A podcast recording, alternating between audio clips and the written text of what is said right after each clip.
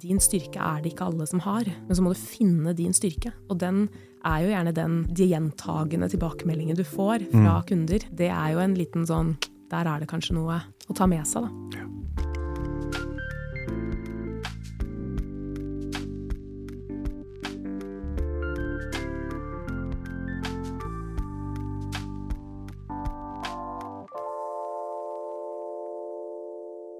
Dagens gjest fikk jeg først vite om under Oslo Maraton da jeg var deltaker. Man har uh, ofte et tunnelsyn når man løper sånne løp. Underveis i løypa så hørte jeg litt skriking og hoiing fra sidelinja, så fikk jeg øye opp og så en fotograf som syklet og løp rundt i løypa, og gjorde alt hun kunne for å trekke på smilebåndet til deltakerne. Tonje Wold het hun, og innsatsen hun la inn under Oslo Maraton var på lik linje som de som løp, og det så man på bildene. De ble faktisk veldig, veldig bra. Tonje har veldig raskt jobbet seg opp til å bli en etablert fotograf og journalist innen sport og den aktive livsstilen.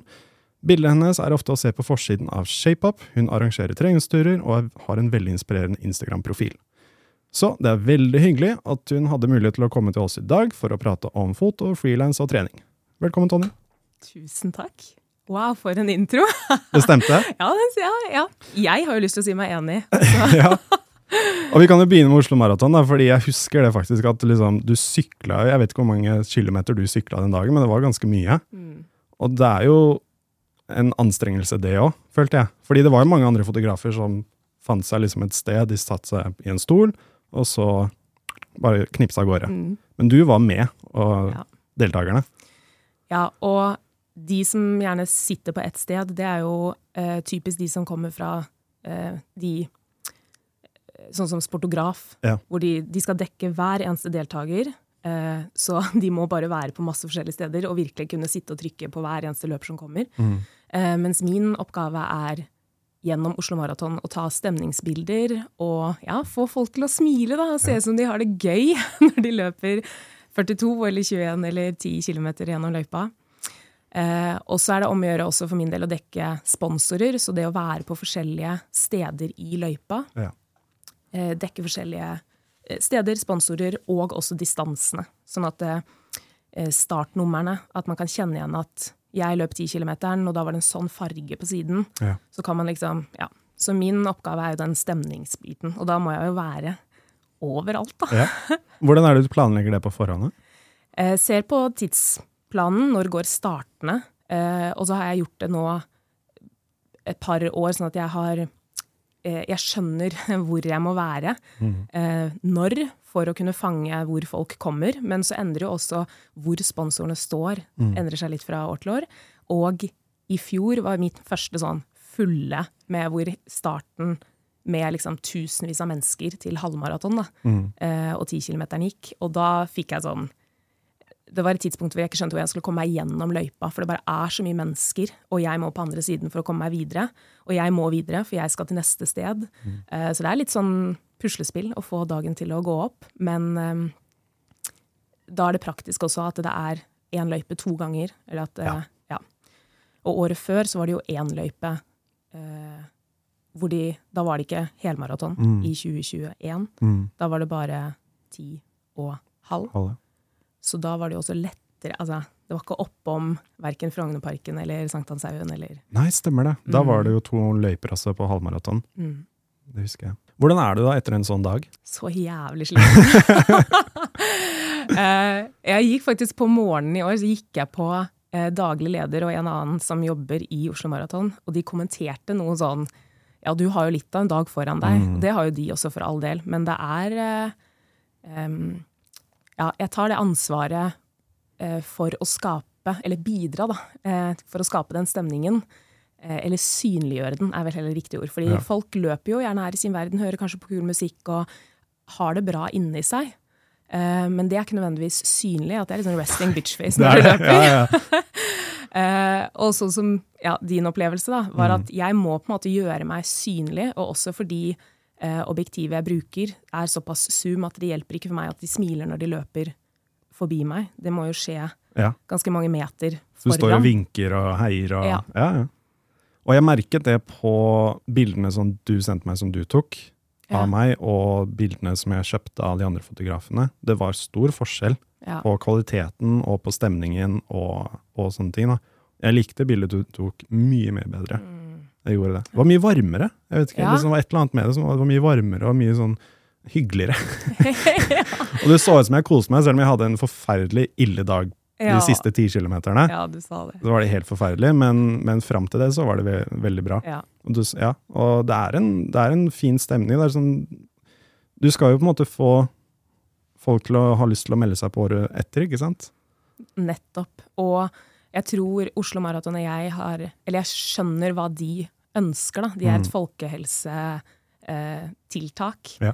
Eh, så det handler jo om å få mennesker som ikke nødvendigvis digger å løpe, til å også se bildene og tenke at oi, det ser gøy ut. Ja. Og minne de som gjorde det en gang, kanskje for 18 år siden eller i fjor, men minne dem også på at dette både kan og bør og vil du egentlig gjøre igjen. Og da tror jeg den varme eh, redigeringsstilen, da, og ikke minst det å prøve å få frem litt smil. Og, og når folk løper flere runder, eller jeg hele tiden ligger foran dem, så jeg møter jo gjerne på de samme ja. igjen og igjen, og du var jo litt i en sånn pulje på starten der, eh, så begynner jo folk å respondere raskere. Mm. De begynner å liksom, de ser deg på, ok, og det kommer et hopp, og liksom, Ja. det er eh, Og så steller du deg litt på, på høyre side av løypa også, for liksom sånn, ok, der er en fotograf. Så sånn, pass på at vi kommer inn i, mm, inn i utsnittet litt. Og så fokuser på de som ikke på en måte er, ser ut som profesjonelle løpere også. Liksom Få med folk flest òg. mm, Fordi det er liksom, det har vi sagt før litt også, dette, dette er noe for alle. Det er liksom ikke for tidligere idrettsutøvere kun dem. Eh, det er noe alle kan melde seg på. Og jeg har gjort det neste år. Jeg meldte brødrene mine på 10 km. Ja, Ja, så vi skal løpe alle sammen. kult! Så det blir gøy. Ja, det er jo helt rått. Ja, ja. Og det syns jeg, jeg, ja, jeg synes det er ekstremt gøy når jeg så um, Når jeg også kan liksom begynne å plukke litt mønster eller skjønne litt sånne relasjoner og Ja. sånne ting som skjer underveis her. da. Eh, fordi på, um, i den lille pulja med deg, eh, liksom bak Frognerparken, ja, før dere kom inn i Frognerparken, da, der var det tre kamerater som Ja. var på tur. Ja. Og de liksom eh, De hoppa, og de Ja. Så jeg fant eh, det, og det eh, gjorde jeg med noen, og du er jo på en måte en av dem, men at jeg finner eh, Jeg søker opp startnummeret. Ja. Når jeg ser at liksom, ok, du bjuda på, du Ja. ga meg masse. Jeg, det her skal du få tilbake for, liksom. Ja. Eller jeg syns det er hyggelig å dele de bildene, da, de minnene. Mm. Eh, og da var det sånn, nå må du bare dele det med kameratene dine, liksom. ja. Nei, det er veldig Herregud, men så kult at du har meldt på hele gjengen. ja, det blir gøy. Mm. Da, det, da skal vi prøve Ja, å Vi må time søke det. deg ut Ja, i løypa. Vi må finne ut når, hvilken start du har, og sånn, sånn, så må vi legge ja. med en plan. Avtaler. Men ta oss litt tilbake, da, som du har jobbet som fotograf et par år nå. Før det så jobba du som PT. Eh, nei, eh, Nei. jeg har gått PT-utdannelse Ja. og har jobbet i liksom, treningsbransjen eh, og da sats de siste årene i litt forskjellige roller. Men du sluttet på et eller annet tidspunkt og skulle satse fast for å jobbe frilans. Ja. 100 Ja. Var det veldig skummelt? Jeg har tenkt litt sånn på det nå, for nå nærmer jeg meg ett år fra at jeg har vært fulltid. Men Mm. det er eh, nå over et år siden jeg sa opp og sendte inn den oppsigelsen. Eh, og jeg Økonomisk hadde jeg på ingen måte belegg for å kunne tenke at det her går bra. Eh, på ingen måte. Men jeg så at jeg var flaskehalsen min, min tid, eh, og hva jeg klarte å gjøre, Mm. var det som stoppet meg fra potensielt ta på meg mer, som kunne gi mer penger. Og penger må man jo rett og slett ha. Det er jo ikke noe um, Det er ikke noe vei utenom der. Nei. Ikke Dessverre. hvis du skal leve av det. Og, ja. og det ville jeg, da. Um, jeg jobbet som sagt i SATS, og det var et resultat av at jeg i studietiden jobbet på 3T, treningssenter i Trondheim. Um, så jeg følte at det var en jobb jeg kjente. Og så, ja, åpenbart trening og fysisk aktivitet betyr mye for meg, så jeg opplevde det som en eh, meningsfull jobb. Ja. Men det er også en jobb hvor du kan begynne på jobb 5.45, Ja. og da være ferdig klokka tolv eller ett eller to. Så det er litt annerledes eh, arbeidstider, og det muliggjør å frilanse. Ja. Eh, før eller etter, da. Alt ettersom når jeg jobber. Så eh, jeg begynte å frilanse som journalist i 2015. Ja. Og da tok jeg bilder til artiklene eh, jeg skrev. Og så var det en fyr som sa opp, dette var i Runners World Norge, så han som pleide å ta bildene, sånn de ordentlige bildene, han slutta. Og da var jeg liksom next in line. Ja. Eh, og da skjønte jeg at jeg måtte up my game. For jeg eh, hadde verken eh, Ja, det er lett å skylde på utstyr, men jeg hadde ikke egentlig utstyret til å tåle eh, ja, det skulle plutselig begynne å levere. Eh, siden det også er løping, og det er jo en helt annen type bilde. Eh, man må være litt kjappere. Ja. det skjer når det skjer, type bilder. Eh, og så måtte jeg selvfølgelig bli langt dyktigere til å ta bildene. Eh, så da begynte Altså for meg var korona en sånn beste som kunne skje meg. Ja. Ble, for da stengte jo treningssentrene. Ikke Så jeg sant. fikk egentlig tre måneder, da. Eh, I første, ja, det var den første omgangen jeg fikk, den andre var jeg ikke Da måtte jeg jobbe. Men eh, da fikk jeg tre måneder på å legge liksom litt mer plan. Eh, så selv om jeg ikke gjorde så mye som kan vise til noe nå, Mm. eh, så var allikevel det en sånn veldig viktig, og ikke minst livsstilstriggende eh, tid, hvor jeg skjønte at det er jo sånn her jeg vil leve. Mm. Eh, ja, så den var viktig for tror, å tørre tror, å ta stegene videre, da. jeg tror den perioden her var et startskudd for veldig mange. Ja, Det var liksom enten-eller. Enten så sitter vi og venter på at dette går over, eller så starter vi det prosjektet vi har hatt lyst til å starte veldig lenge. Det var det for deg. absolutt. Ja. Og ja, jeg var jo sånn som syntes det var sykt kjipt når det åpna. Ikke, fordi jeg- ikke fordi at jeg ikke ville at det skulle åpne alt det der, og det er helt forferdelig og, og sånne ting, men for meg, sånn personlig, så var det jo en tid for å dyrke Mm. lidenskapen min. Og den kickstarten og klarte å ta tak i det. Og så um, i Sats, da, så var jeg liksom Hadde på en måte en sånn eh, karriereretning eh, og en tanke om at det er kanskje det jeg vil. Mm.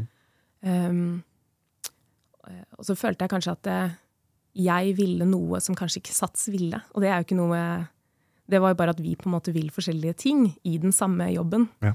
Så jeg skjønte at eh, her kommer jeg til å Jeg kommer ikke til å få den eh, gode følelsen av at jeg eh, liksom oppfyller mine, min mening med Mm. livet, nesten. Eh, mens med foto så skjønte jeg at her kan jeg Går jeg frilans, så kan jeg styre hva jeg vil jobbe med. Og har hele tiden vært veldig eh, sånn sett nisjespesifikk med hva jeg har gjort. Mm. Eh, som også har gjort det lettere å ta det på en måte fulltid, antar jeg. Fordi at jeg har vært en av få som har gjort det jeg har gjort. Eh, så når noen trenger det, så er, det, så er jeg en av dem. Ja. Og så bestemte jeg meg bare for at den jobben med Sats at liksom det Om ti år så kommer jeg til å angre på at jeg ikke tar sjansen nå.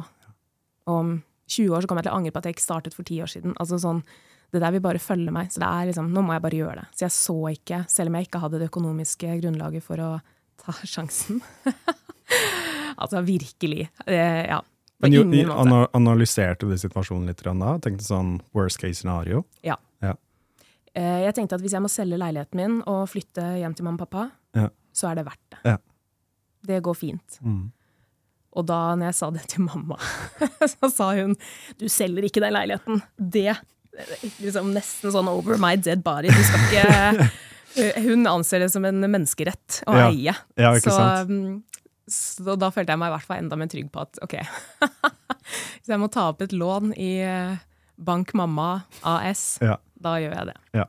Men det har jeg ikke trengt, da. Men um, Men, men ikke sant, hvis du har det som worst case scenario, så går det fint, på en måte. Og hvis det kun går utover deg selv også, og liksom, det er ikke noen andre du har ansvar for og tenker sånn, Vet du hva, jeg kan overleve på veldig lite, mm, hvis jeg må, men da vet jeg i hvert fall at uh, jeg prøvde. Og det Mm. har jo gått bra.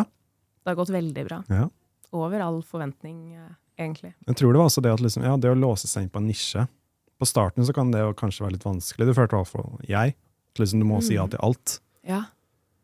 Men etter hvert så Gjorde du det? Ja, på starten, ja. Ja. Ja, det gjorde alt. Filmet og tatt bilder av absolutt alt mulig rart. ja. Men visste du da hva du egentlig ville? Det var litt det, jeg var litt usikker. Jeg var bare glad for at noen ville leie meg inn i det hele tatt, Mm. hvis du skjønner. Mm. Det var liksom bare Ja, å ta, eh, å ta den jobben du fikk, på en måte. Og holde seg opptatt. Men det er også litt vanskelig, det å si nei. Det kan være veldig vanskelig. Fordi du veit jo liksom ikke helt hva som kan skje. Og er sånn, man er litt realistisk og kanskje ikke så optimistisk noen ganger. Um, men ja, sånn på starten så bare sa jeg at det er absolutt alt. Det var kanskje Kanskje det lønte seg, kanskje ikke, jeg veit ikke. Men etter hvert så finner du ut hva du har lyst til å gjøre. det. Jeg har filmet mye rart. Hvordan fant du nisjen din? Godt spørsmål. Jeg gjorde egentlig bare ting som etter hvert som hørtes gøy ut. Og hvis jeg var sånn her, hvis, dette en, hvis jeg ikke hadde fått betalt, hadde jeg fortsatt gjort det. Og hvis svaret er ja da, så, så kunne jeg liksom gjøre det. Men hvis jeg var sånn her, vet du hva, dette skal jeg ha veldig veldig bra betalt for, fordi jeg gruer meg da, til den dagen, så sier jeg nei. Mm. Det gjør jeg i hvert fall nå. da. Det er sånn jeg velger jobber nå. Nei, det er en fuck off price. ja, At den må være så høy at den gjør opp for at Ja. det er kjedelig og ikke Og da må du også bestemme deg for at de pengene du får på dette, skal du bruke til noe du har lyst til å gjøre. Du skal gi deg selv en belønning for å ha kommet deg gjennom dette her. Jeg syns det er viktig. Og det sier jeg til folk. Altså bare sånn, Bestem deg før du tar jobben, at hva du skal bruke pengene på. I hvert fall noe av det. Hva brukte du de pengene på? Åh, Jeg husker ikke, jeg har brukt mye penger på turer.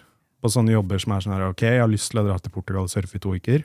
Jeg har ikke råd til det, men hvis jeg gjør denne jobben, og bare sakker opp i et par dager, så har jeg råd til det. Og du sender jo faktura ut ganske litt senere, så du redigerer et par uker, og så frem tilbake, feedback og sånne ting, så plutselig får du betalt to måneder etter å ha gjort jobben, og da har du glemt jobben. Du må minne deg selv på det også. Bare sånn, du kommer til å glemme det du gjorde for to måneder siden, men betalingen kommer nå. Belønningen kommer nå. Og da, da kan du liksom kose deg litt. Ja, Det er viktig. den er, den er god. Ja. ja. Hvis man kan, så er det viktig å liksom sette av lite grann til hyggelige ting.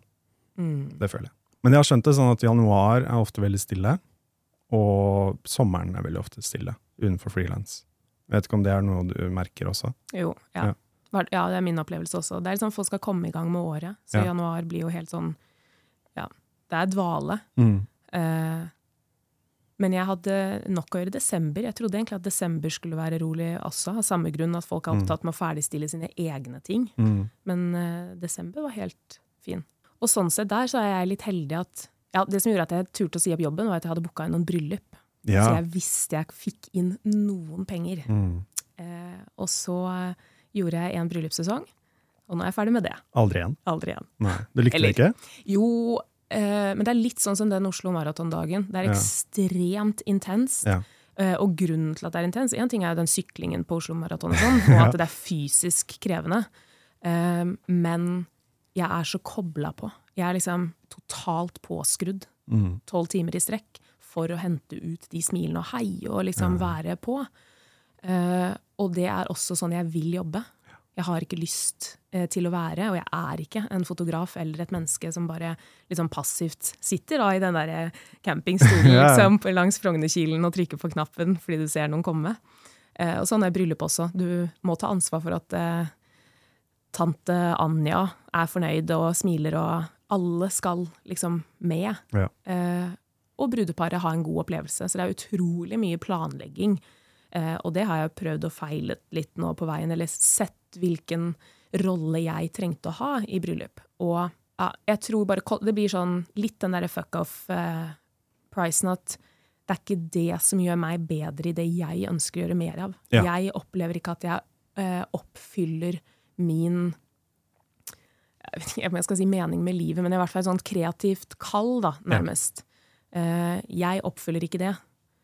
Og da vil jeg egentlig ikke gjøre mer av det. Men, og det er alltid helger, og det er også litt sånn Mm. Jeg har ikke lyst til å jobbe helger hvis ikke jeg må. Men på sommeren så er det løp. Ja. Eh, og det, siden jeg driver i den nisjen jeg driver med, så vil jeg jo kunne fylle opp noen helger i både juni og potensielt august med Og september, da, med Oslo Maraton. Men med løp. Så da mm, er det jo litt å gjøre sånn på sommeren også. Ja. Og det er det jeg ofte sier til folk med tanke på prislegging. Hvis de spør bare sånn, sånn, om en begrunnelse av prisen som er gitt dem på, på et oppdrag, så sier jeg sånn rett ut at uh, enten så gjør jeg jobben din her nå, eller så gjør jeg en annen jobb. Og hvis den andre jobben ikke Hvis den andre jobben betaler mer, så taper jeg på å gjøre jobben din. Men hvis du har mer lyst til den andre jobben også, så er det sånn, da taper du litt på det òg. Selv om den andre jobben kanskje betaler litt mindre. Et løp betaler sikkert mindre enn et bryllup, men løpet får du mye mer ut av personlig. Og det er også verdt noe. Absolutt. Eh, så da går det tilbake til det du sa med at ville jeg gjort dette selv om jeg ikke fikk betalt? Mm. Og det ville jeg i større grad gjort med et løp Ja. enn et bryllup. Selv om jeg har hatt helt fantastisk opplevelse med bryllup. Altså ikke noe mot verken parene jeg har eh, fått være med, eller dagene jeg har fått ta del i. Men eh, også sånn for min arbeidsfremtid, så er det jo klart at jeg treffer langt mer relevante mennesker for det på et løp. Ja. Eh, Og det blir det jo med den nisjespesifisiteten som jeg har vært veldig tydelig på med meg selv hele veien. Mm. Um, så jeg har jo ikke tatt bilde av alt og, og filmet alt mulig. Uh, men fordi jeg har holdt meg så tett på mitt interessefelt uh, så, og dette kreative kallet, så møter jeg hele tiden mennesker som er i samme bransje, og som hele tiden bare trekker meg med videre Mm. inn i det. Og jeg tror det er derfor det har gått veldig fort for meg, eller innser jeg kanskje eh, basert på andre. Når det er sagt, så har jeg jo jobbet med det her i kulissene, da, Mm. for meg selv. Det, er jo, det siste året er jo bare toppen av isfjellet, med veldig mye arbeid jeg har lagt ned På forhånd. I mange år på forhånd. Og den siden ser man jo aldri eh, hos noen i en hvilken som helst jobb. Og du er jo også veldig flink til å være aktiv på Instagram også med tanke på dette her, da. Og det er som du sier sånn Du legger ut på Instagram kun det, de jobbene som du ønsker mer av. Og det funker det, eller hjelper det? Eh, ja, Ja. faktisk. Absolutt. Og mm, man kan jo snakke om å være heldig eller ikke. Mm. Og hva er liksom det å være heldig? Snakket med en som sa det, sa det godt med at du har sånn den helt tilfeldige flaksen. At noen vinner i Lotto, og andre ikke. Det er, liksom, det er helt vilkårlig. Eh, og for meg kan det jo kanskje være vilkårlig at jeg har truffet på mennesker som har hatt, vært veldig åpne og har hatt lyst til å heie på meg Mm. og liksom hjelpe meg på veien. Samtidig som jeg tror ikke det er tilfeldig at disse fine menneskene jobber i den bransjen. Nei. Eh, til forskjell fra kanskje motebransje hvor det er litt spissere albuer. Så jeg har jo vært heldig med å treffe på veldig mange mennesker som har ønsket meg vel. Eh, og de både deler mitt innhold i sine kanaler Mm. og fremsnakker meg til deres samarbeidspartnere. Så jeg har fått veldig mye oppdrag via eh, profiler Ja. jeg har jobbet med. Ja. Det er nok definitivt den største liksom, eh, kilden til penger down the Ja. line. Men det har jo også litt med engasjementet du viser også på dagen òg. At du viser at dette er noe du liker å gjøre. Det er som du sier, dette, Du er ikke her kun for pengene, og du er ikke her kun for liksom, et eller annet annet. Det er, sånn, det er en jobb du har gleda deg til. da. Og hvis du har den energien når du tar bildene, og bildene blir bra, og alle er fornøyd, og alle har en, har en hyggelig dag, det er viktig det òg. At alle skal kose seg. Ja, jeg, det er det jeg verdsetter kanskje aller, aller eh, høyest. Mm. Jeg tror at eh, du skal ha en veldig dyktig modell for å få frem et uttrykk eh, som du ser for deg. Som, hvis du ikke selv på en måte bidrar til å skape det. Ja. Og jeg jobber ikke med modeller, jeg ja. jobber med utøvere. Eller på Oslo Maraton, eller Men det blir jo ikke å det blir en litt annen måte, da. Der løper man jo og prøver å smile og gi noen Ja, ja. peace-tegn. um, Det er Mye men- peace-tegn, tror jeg. ja, det er mye, ja, det er mye peace-tegn.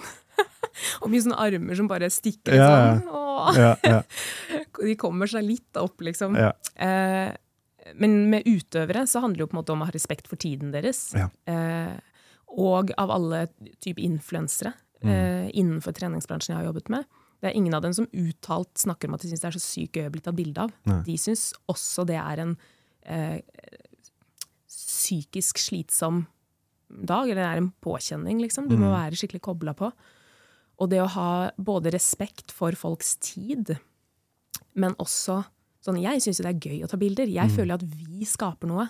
Men det er jo poenget her også, at det er vi sammen. Det er ikke jeg som trykker på en knapp og du som må prestere. Det er jo et samarbeid for, å, for at jeg skal få ut det resultatet jeg har sett for meg, og det jeg ønsker. Eh, Så jeg har veldig, eller min stil er i hvert fall veldig det å skape en stemning og en trygghet eh, og en avslappethet som gjør at modellen i gåseøynene eh, kan være seg selv naturlig. Og så må jeg geleide den personen inn i posisjoner eller positurer da, som jeg ønsker, eh, og som jeg mener at vil se bra ut på Ja. bildene, selv om det ikke nødvendigvis føles naturlig for dem.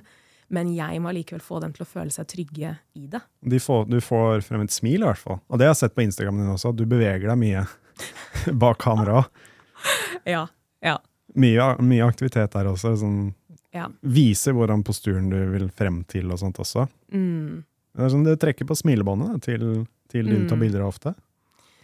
Og jeg opplever da eh, ofte at folk har lyst til å bruke meg igjen. Og Ja. det er jo det aller, aller viktigste for Altså, hvem som helst. Og det kan jo være en kunde som hyrer deg inn til forskjellige oppdrag med forskjellige kunder. Um, men også at det, enkeltpersoner liksom føler at du er pålitelig og hyggelig å jobbe med og leverer det du skal. Og Ja. da vil, er det lettere å ta kontakt med deg. Det er jo selvfølgelig mye lettere enn å drive og skaffe nye. Jeg tror det er liksom en av hovedgrunnene til at de anbefaler deg videre også. Det er fordi de, de gruet seg kanskje lite grann, men så hadde de en veldig hyggelig dag. Du viser dem kanskje noen av bildene. De ble litt sånn Ja, dette ble jo egentlig ganske bra. Eh, og de ser bra ut. Og så er det veldig enkelt for dem å anbefale, anbefale videre. Det At de føler seg så komfortabel. Ja. Det er kjempeviktig. Ja. Det her med på en måte magefølelse, at eh, mennesker som gir deg en god følelse Kanskje de også trekker seg automatisk til sånne her type yrker, da. Ja. Hvor de eh, har det i seg fra før. Det er ikke noe du må skru på eller av. Nei. Og da vil jo også du, i et øyeblikk du ikke tror du blir observert Bli observert, og at folk liksom Oi, forresten, hadde ikke du med deg kamera? Ja, ja, men jeg tar egentlig ikke bilder. Men altså, altså har det vært en hobby, så plutselig blir det jobben din. Fordi Mm. til syvende og sist så er det rett Min opplevelse er at det er veldig få som bryr seg så mye om kvaliteten på bildene dine som du selv gjør. Ja.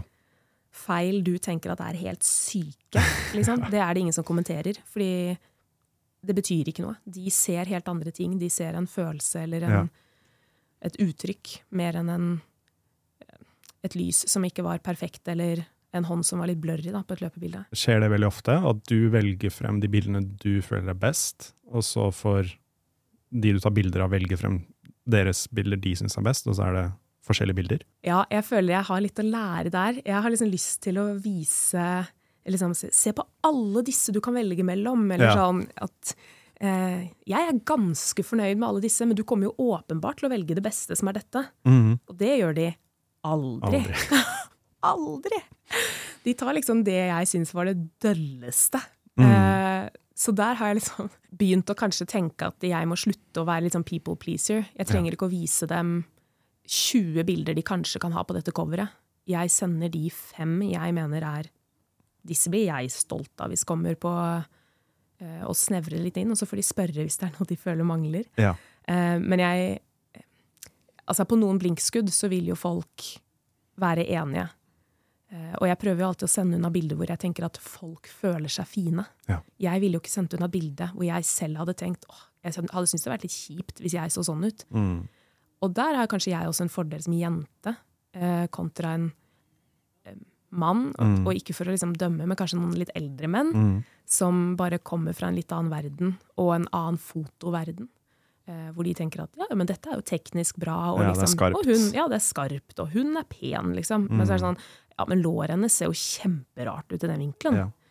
Sånn som jeg ville tenkt mye mer over. Ikke fordi jeg ikke mener at hun ser bra ut, men hun, hun det, er ikke, det er ikke sånn hun egentlig ser ut. Ja. Det er en uheldig vinkel. Ja. Og det um, ja, Jeg syns det er en stor verdi i at eh, personen føler seg fin. Det er det som utgjør mitt utvalg. Og så må Mm. jeg i forkant forberede de litt mer kreative tvistene, sånn at jeg får bilder som jeg også syns er kule, men med deres uttrykk som de gjør at de føler seg fine. Mm. Hva med når du drar på sånn treningsturer og sånne ting? da? For det, har- det har det vært en del på også. Eh, når du tar bilder av Jeg syns det også kan være litt vanskelig noen ganger å ta bilder av folk som er i en aktiv sånn treningstime, og puster og peser, og få frem noe smil da, når du er litt som flue på veggen. Det kan være litt vanskelig. Da må du være litt tålmodig, kanskje. Ja. Bare vente litt til de Jeg tar veldig mange bilder, mm. og det er kanskje Altså På Oslo Maraton så er det liksom krevende fordi de, det kan komme mange, og de er jo løpende. Mm. Men på sånn gruppetimer og sånn hvor folk eh, hopper eh, Og min stil er jo i hvert fall veldig å skape en illusjon av at det er mange på timen som har det veldig gøy. Så det er om å gjøre å prøve å få inn litt armer og ben, Ja. eh, men at fokuset ligger på instruktøren som gjør noe kult eller Mm. har et gøyalt ansiktsuttrykk. Eller at jeg snur meg motsatt vei, sånn at jeg finner ut disse menneskene. Men eh,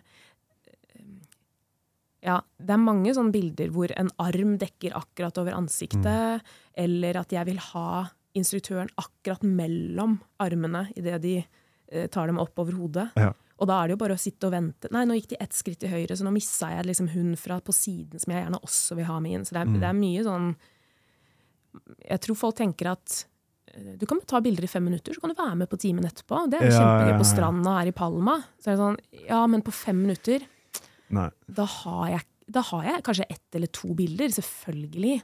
Men jeg har ikke oppfylt det potensialet jeg mener at jeg kan på det stedet, i, de klærne, med den instruktøren, med altså, alle de detaljene. Mm. Og da tenker du liksom under hele timen, da, så vil du tenke sånn åh, dette, dette øyeblikket fikk jeg ikke med meg, det var irriterende. Ja. Veldig. Ja. Det. Mm. Og det kan jeg se for meg skjer for ofte. Så jeg tør nesten ikke å liksom bli med. Jeg, blir, jeg tenker at jeg skal, og Ja. så bare føler jeg at åh, men den satt og den satt, og herlighet, han er jo skikkelig i slaget nå, liksom. Mm. Så nå må jeg bare holde meg eh, Får du den, ehm, de forespørslene om at hvis du Om å få bli med på turen gratis hvis du tar litt bilder? Eller bli med på et event, eller bli med på et eller annet eh, gratis, bare for å ta litt bilder? Ja. Ja. Eller ikke så mye, kanskje ikke så mye gratis, men hvor prisen er så lav at Ja. jeg skjønner at de ikke skjønner hva min jobb består av. Og det skjønner jeg. Ja. Og man kanskje tenker også sånn at ja, men instruktøren får det for den timen. Mm. Men det er bare at eh, instruktøren har gjort noe forarbeid. Men jeg har på en måte dels gjort forarbeid, ikke like mye selvfølgelig som en instruktør, men jeg har jo veldig mye mer etterarbeid. Ja. Eh, men jeg føler jo også selv at med eh, At erfaringen jeg gjør meg, er dels teknisk, og liksom hvordan gjøre både en teknisk bedre jobb og få det uttrykket jeg vil, og utvikle meg kreativt og alt det, men like mye det med prissetting. Um, jeg er jo en jente, da, så Mm. jeg prissetter meg jo gjerne lavt. Eh, men for å føle at det er en pris jeg kan stå inne for. Men det skjedde jo også et skifte på et tidspunkt hvor jeg gikk fra at det var nesten ubehagelig å få betalt for Mm. noen oppdrag jeg hadde, til at nå syns jeg det er ubehagelig å bli tilbudt en veldig lav pris. Ja. Fordi det stemmer ikke lenger overens. Så det har jo skjedd et mentalt skifte på veien. Eh, men da handler det også om å selvfølgelig kunne forklare hva det er jeg gjør, og være trygg, kanskje mest av alt, være trygg på min verdi. Hva er det jeg tilfører de bildene du ønsker, som jeg tror genuint at du får ikke med så veldig mange andre. Mm. Ja, fordi det var det jeg lurte på. Liksom, hvordan er det man har de samtalene? De kan være veldig ubehagelige å ha, men de er jo veldig viktige. Og hvordan er det man føler at man ligger på en Det er jo ikke noe fasitsvar på prislegging innenfor fotografi. Nei. Du må på en måte bare utvikle det litt sånn selv, og føle at det er verdt det etter hvert. Og så Jeg vet ikke. Ja. Jeg synes det der er utfordrende. Mm. Jeg føler at jeg får eh, Eller at jeg finner litt min vei i det. eh, Og tar priser som jeg i mye større grad eh, At jeg ikke føler jeg gjør folk en tjeneste. Ja. Det er, litt, det er blitt veldig viktig for meg nå at prisen skal representere det faktiske arbeidet jeg gjør. Men jeg opplever også noen ganger at folk kan nesten sånn, ikke motsi seg selv, men de kan tilby én pris for noe, og så tilbyr de på en måte en annen pris for noe annet. hvor jeg liksom, Men her, her tilbyr du meg på en måte en sånn dagspris eller timespris, mens her, hvor det er mer arbeid, på en treningsreise f.eks., hvor det er flere dager, så Mm. tenker man at ja, men da kan jo det være pakkeprisen, på en måte. Ja. Så er det sånn, skjønner tankegangen din, men jeg har jo mer arbeid, og jeg er ikke bare der da. Mm. Jeg sitter med dette også i etterkant, ikke sant? Eh, Så det å da kunne også bare spille opp og si du tilbyr meg det for det, da vil jeg ha det samme for det, Mm. eh, det har jeg opplevd. Eh, Og så syns jeg det hjelper å snakke med, om pris med andre mennesker, høre hva Ja. andre fotografer og journalister og alt det her tar, og få et inntrykk at hvis du har fått tilbud om en pris fra en oppdragsgiver, og så plutselig endrer prisen seg etter, eller til neste gang, ok, hva har skjedd på veien? Mm. Det har jeg også opplevd. Ja. Var det fordi jeg hoppet inn som stand-in, så noen andre har en høyere pris, mens dere tror egentlig at jeg skal ha noe mindre? Mm. Sånne ting. Det, ja, jeg tror det er sunt å snakke om. Absolutt. Mm. Det, det er um, fint å være sånn, sammenligne litt med andre som gjør litt sånn samme type jobb. Men jeg vet ikke om du merker det, om, liksom, om du føler at mannlige fotografer får mer ofte for samme jobben. Altså, jeg vet jo ikke, fordi Nei. jeg kjenner ikke så mange fotografer egentlig. Nei. Jeg føler jeg kjenner flere i treningsbransjen enn i fotobransjen, Ja. på en måte. Um, men jeg tror sånn på generell basis da, at menn er generelt tøffere på å bare tro at det de gjør er verdt noe. Ja, At det her er en jentegreie. Å være veldig sånn å, herregud, tenk at jeg får lov til å komme og jobbe i Mm. liksom 24 timer i strekk hos deg. Selvfølgelig skal jeg gjøre det gratis. Så heldig jeg er. Ja, jeg er heldig, jeg, som får eh, liksom eh, erfaringen. Mm. Og det er man jo. Man er jo heldig for ethvert oppdrag man får. Men jeg, jeg tror det er veldig viktig at man ser eh, verdien sin utover resultatet. Mm. For min del så tror jeg definitivt at det at jeg oppleves som en eh, hyggelig person på sett, eh, eller, og at jeg er med på å bidra til stemningen Det er ikke sånn at jeg overlater det til andre mennesker. Jeg er en viktig del av hvordan vi har det på jobb. Mm. Og det er jo en kjempeviktig del av produktet jeg leverer. Ja. Nesten minst like viktig. Eller jeg har jo lyst til å tro at resultatet vil reflektere hvordan vi hadde det på ja, sett. Ja, absolutt. Eh, Men at også og både oppdragsgiver og potensielle liksom, modeller eller utøvere eller hvem man jobber med, tar også med seg en god opplevelse, og at den bør også ha en prissetting. På samme måte som hvis du er sinnssykt god til å redigere noe eller et eller annet i post, da må du også prissette det. Mm. Og tenke at det er ikke noe alle gjør. For det, det viser seg at din styrke er det ikke alle som har. Men så må du finne din styrke. Og den er jo gjerne den eh, som de, de gjentagende tilbakemeldingene du får fra kunder. Det er jo en liten sånn Der er det kanskje noe å ta med seg, da. Og så er det jo det også sånn, etter hvert når man får en portefølje som snakker litt for seg selv også, så blir det kanskje enklere. Absolutt. At du har, eh, du har den erfaringen, du har de liksom, faste jobbene, du har det resultatet, og levert det før, og vet at Eller det, det snakker litt for seg selv, da. Og da sier de bare sånn 'Vi skal ha det', og da sier de sånn da, det koster det koster det det koster. Og det er lettere å stå for når du også både vet at det er du teknisk god nok til å levere. Ja. Det følte jo ikke jeg meg trygg på i starten. Eh, og når du, som du sier, at du, du kan vise til det. Du, Mm. har, du har gjort det før, mange nok ganger, til at folk kan se det. Så eh, jeg skal ikke Eller jeg er ikke sånn som har noe imot eh, Er prinsipielt imot gratisarbeid. Bare fordi det har sin tid og sitt sted. Og det er jo også gjennom gratisarbeid kanskje, eller egne prosjekter, at du kan utvikle eh, dine helt villeste fantasier, kreative fantasier.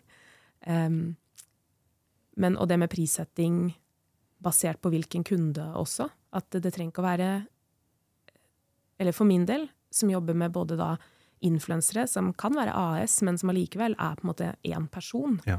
Men jeg jobber også med bedrifter som har liksom et budsjett på liksom noen helt andre summer. Da er, for meg er det ikke riktig å kreve det samme. Nei. Eh, og, og også bare mm, De skal også ha forskjellige ting. Så det er noe med å prissette Ja, teste seg litt frem der. Det er vanskelig. Det er ikke noen fasit på det. Så jeg har slitt med det noen ganger selv. Mm. Og så har jeg også hatt den situasjonen hvor hadde det for en liten stund siden, hvor det var en kunde som spurte hvor mye jeg skulle ha for å bare møte opp på en sånn gruppetime, sånn treningstime og filme i to timer. Ja. Og de sa sånn, det er liksom ikke så liksom, Vi skal bare ha litt materiale fra oss og klippe det sammen veldig kjapt. Og da var jeg sånn, dette tar en dag, sa jeg. Sånn i mitt hode så var jeg sånn, dette tar en dag.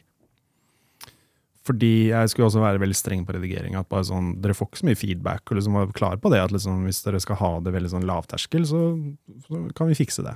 Da bruker jeg ikke liksom en uke på redigering. Da slenger jeg sammen to reels veldig kjapt. Og prissatte meg sånn basert på det, da. Og så hadde de møte med en annen fotograf som prissatte seg fem ganger høyere enn det jeg gjorde. Men de sa jo nei med han til han med en gang. Fordi han klarte ikke å forsvare hvorfor han skulle ha så mye penger. Fordi han tenkte liksom sånn alt han, Alle oppdrag han skal gjøre, skal være på dette nivået. Og da var det liksom ikke sånn frem og tilbake. Ja, men hva er dette her for noe? Altså, hvor viktig er det med liksom det tekniske, og hvor viktig skal jeg ta med lys? Skal vi liksom eh, scenesette ting, eller skal vi være flue på veggen? Liksom, alle de spørsmålene der. Han bare sa sånn Jeg skal ha så mye. Og de var sånn Ja, jeg tror ikke du helt har skjønt hva, hva det er vi er ute etter. Så de sa nei til han med en gang. Og da var de sånn Jeg tror de følte først at prisen jeg ga dem var litt høy, og så fikk de bare en enda høyere en. Og bare, å ja, ok, da er det faktisk ikke så mye.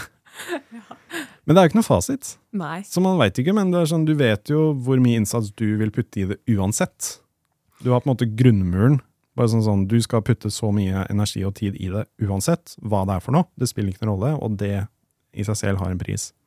Men det du også har gjort riktig her, er jo å finne ut av hva det kunden vil ha. Ja. Og det er jo ikke alltid de vet det, eller vet hva det vil koste. Men det er jo kun gjennom kommunikasjon hvor du Mm. også forklarer at ok, hvis jeg kommer og gjør den jobben de to timene, så kan jeg lage dette for den prisen.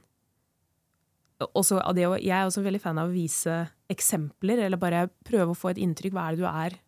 Ja. Hva er det du ser for deg når du sier 'filme litt' på en time? ja.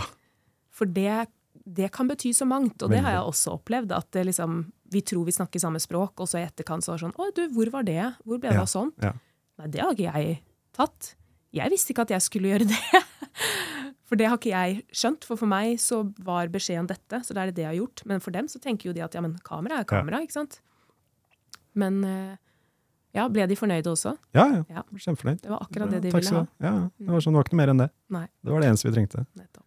Og det, det, det er noen sånne jobber som det. Var sånn, for dem så skal de vurdere om de kan bare gjøre det selv med mobil, eller om du skal få en videograf inn. Fordi det var liksom på det nivået. da. Bare sånn, Kan han ene bare filme litt med mobilen og så legge det sammen til en reel, eller skal vi få inn noen til å lage en reel for oss? Og da kan det være, da priser du deg selv ut veldig fort, da. Men da er det på en måte, da, da kan de gjøre det selv. Mm.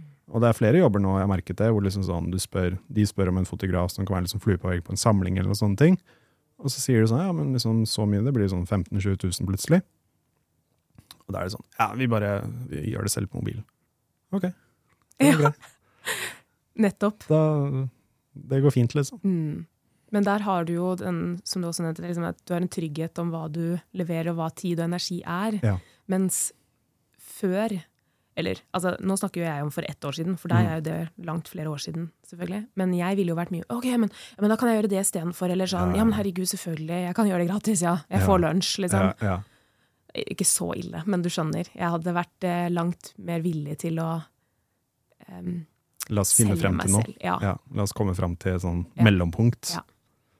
Og det tror jeg kanskje er nødvendig at hvis, ja, hvis noen hører på det her som er i den fasen hvor de liksom har lyst til å gå frilans, men vet liksom ikke er det, er det liv laga. Mm.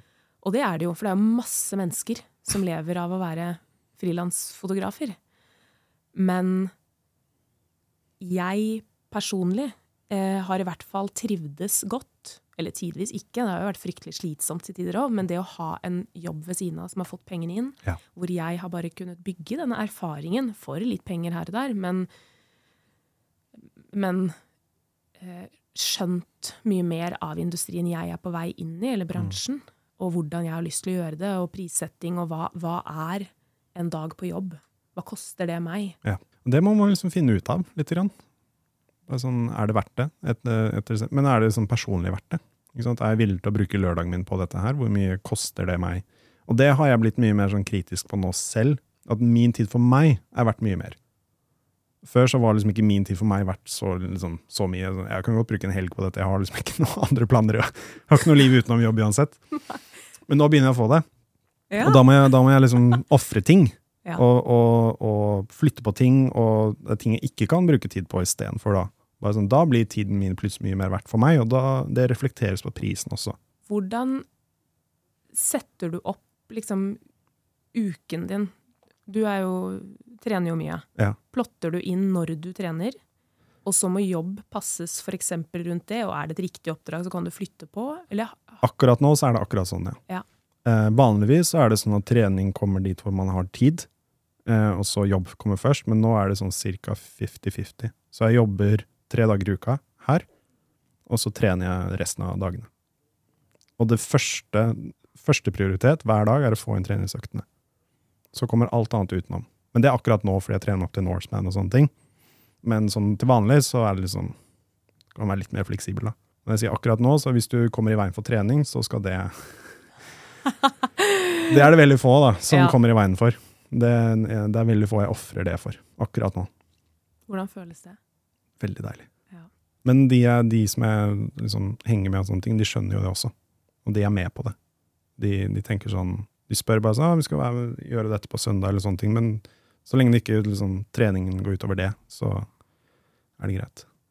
For det er jo litt i den eh, min bransje, eller med utøvere. Da er det jo ikke sånn at eh, vi møtes for å ta bilder når lyset er perfekt, nei. eller når været er bra. Vi møtes jo de, den 30-minutteren, liksom, eller en timen, eller halvannen, eller hvor mye du får, da, som utøveren kan. Ja. Så eh, mitt sånn største, første ordentlige sånn wow-oppdrag var å ta bilder til da cover på Runners World av Therese Johaug. Mm. Og det var en sånn aprildag, eh, så sola går liksom ganske høyt. Vi skulle møtes klokka 11 på Sognsvann, for da var hun ferdig med trening. Ja. Og eh, jeg liksom Altså, dette er nå to år siden, så jeg var virkelig det har skjedd fryktelig mye for meg da, på det siste spesielt året jeg har gjort det fulltid. helt åpenbart. Det er mye mer tid til å bare få oppdrag. Men da var det sånn at det, det å bruke en reflektor Mm. til foran, altså mellom sol, som ja, bare det var sånn wow, dette har jeg ikke gjort mye av, fordi jeg stort sett har bare måttet løse situasjonen sånn adhoc. Har aldri hatt med meg liksom en form for assistent eller noe som helst. Og jeg klarer jo ikke da å holde en svær reflektor og kamera uansett. ikke sant? Hvis det er litt vind nå, så går ikke an. Så jeg tror hun var ganske sliten i armene, hun eh, kollegaen min, da. mm. Eh, men da Det var helt sånn Jeg var så nervøs. Jeg var helt eh, kaldsvetta, liksom. Bare eh, Og kunne jo Altså, jeg fikk jo ikke gjort noe med lys eller uh, ingenting. Mm. Og vi gikk til og med inn i skogen. Eh, liksom forbi Sognsvann, eller vi skulle ha, noen, vi skulle ha på seg noen terrengsko. Mm. Så vi skulle liksom ut i terrenget. Og der går vi forbi sånn reklameinnspilling for TV 2. Ja. Hvor det er sånn eh, Else Kåss Furuseth, jeg tror Jan Thomas altså Bare sånn masse kjendiser og stjerner og TV 2-filmcrew som står der og filmer sånn intro sånn Til helgen er det Ja. Idrettsgallaen. Eller det var jo ikke det, da, men du skjønner noe sånt. Mm. Og de kjenner jo, vet jo hvem Therese Så de vinker til hverandre. Og sånn, Ja. der går jeg. Jeg følte meg sånn del sånn uh, Eller det var veldig sånn imposter syndrome-situasjon. Ja, hvor jeg bare. Nå ser jeg ut som jeg har peiling på hva jeg holder på med. Har ikke peiling. Har ingen, ingen peiling. Noen ganger så må man fake det litt. Grann. Ja. Hvis det er noe sånn at du føler at ehm, Jeg har gjort det ofte liksom at man må gjøre to tagninger, to-tre tagninger. Fordi første tagning var det noe jeg fucka opp. Og det kan være som for eksempel at jeg, jeg gjort, gjorde det en gang hvor jeg hadde på manuellfokus på video, uten at jeg visste det. Og så bare sånn, har jeg gjort liksom fem-seks tagninger den første timen. Har liksom bare sånn filmet alt på manuell. Så er jeg sånn, Ja. og da må du finne på en eller annen grunn til hvorfor man gjør det på nytt, uten å si at du har, eh, du har ødelagt det. da. ja. Og det kan være litt sånn vanskelig noen ganger. Hva sa sånn, du da? Jeg husker det var sånn eh, Jeg sa et eller annet med lyset. Jeg bare sånn gikk, det var sånn spotlys, oransje spotlys. Så jeg bare sånn, ja, De der var liksom ikke så bra, kan vi liksom gjøre det en gang til? bare hvor kanskje ikke Prøve å unngå de litt. grann, Da. De bare ja, ok. Så skrudde jeg på autofokus og bare. Jeg tror det der med sånn fake it till you make it um, Alle gjør det. Alle gjør det, fordi at Absolutt alle gjør det. Uh, alle Det her blir jo Jeg syns jo på en måte trening er sånn god metafor på livet, og det å da være toppidrettsutøver Så vi kan jo synes at eh, eh, alle som representerer Norge i mesterskap, eller hvilket som helst land, da, men er ekstremt dyktige Mm. i den idretten. For de har kommet til et, et olympisk mesterskap eller en verdensmesterskap. De er åpenbart noen av de beste i verden. Eh, men så vi ville jo aldri, Hadde vi løpt ved siden av dem på mølla, eller liksom veien, da, så hadde vi jo ikke vi kjent igjen hva deres svakheter er. Men Nei. de ser jo, Ja, ja. de vet jo hvorfor de ikke vinner. At de kommer på 15.-plass og ikke første. Eh, betyr ikke at du klarer å gjøre noe med det. Det er noe helt annet. Eh, og sånn tror jeg liksom med foto og video og alt det her også, at vi vil alltid se våre egne hull. Mm. Og vi må huske at det er vi som ser det mest. Det er vi som ser oss blinde på vårt eget produkt. Det er vi som legger merke til at den hånda var blurry, liksom, eller, eller spottene, eller liksom Ja. autofokusen. Du kunne jo sikkert levert nesten en film eh, med manuell fokus. Ja. Og sagt 'nei, dette var det jeg prøvde å lage', Ja, 'dette var det jeg var ute etter'. Og de liksom 'ja, ja'. Det var uttrykket jeg gikk for. Ja. Og så ville de bare kjøpt det. Ja. Um, men det var bra du tok, så det, da, og Mm. fikk gjort det en gang til. Men jeg tror, jeg tror det er viktig at vi kan ikke låse oss i våre største feil. Eh, fordi vi ser dem så tydelig at vi uansett kommer til å ha lyst til å gjøre noe med det. Mm. Så da er det bedre å bare jobbe med det kontinuerlig i bakgrunnen, og så litt fake it till you make it, men i hvert fall ikke la den usikkerheten overdøve, for det er jo ikke noe som er mindre tiltrekkende i en du skal jobbe med, og som du legger din lit til, som sier ja, nei, jeg er jo egentlig ikke så god i dette. Ja. Det er jo ikke det du vil høre når du kommer.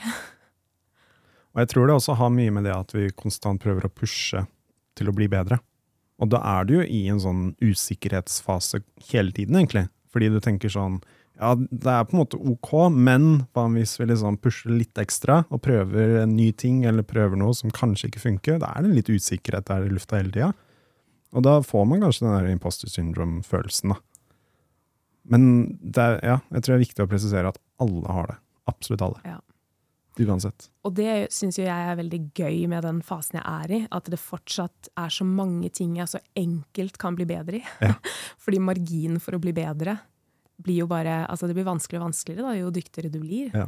Så det å ha holdt på med video i 30 år, da, da er det jo gjerne ikke det tekniske du blir bedre på. Da er det jo bare hvordan nå publikummet du ønsker, eller utvikle stil. Eh, Så det er liksom finurligheter, da.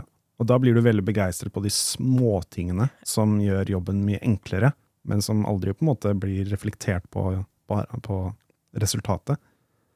Men det er bare sånn småtteri sånn her og der, som du blir sånn skikkelig gira på.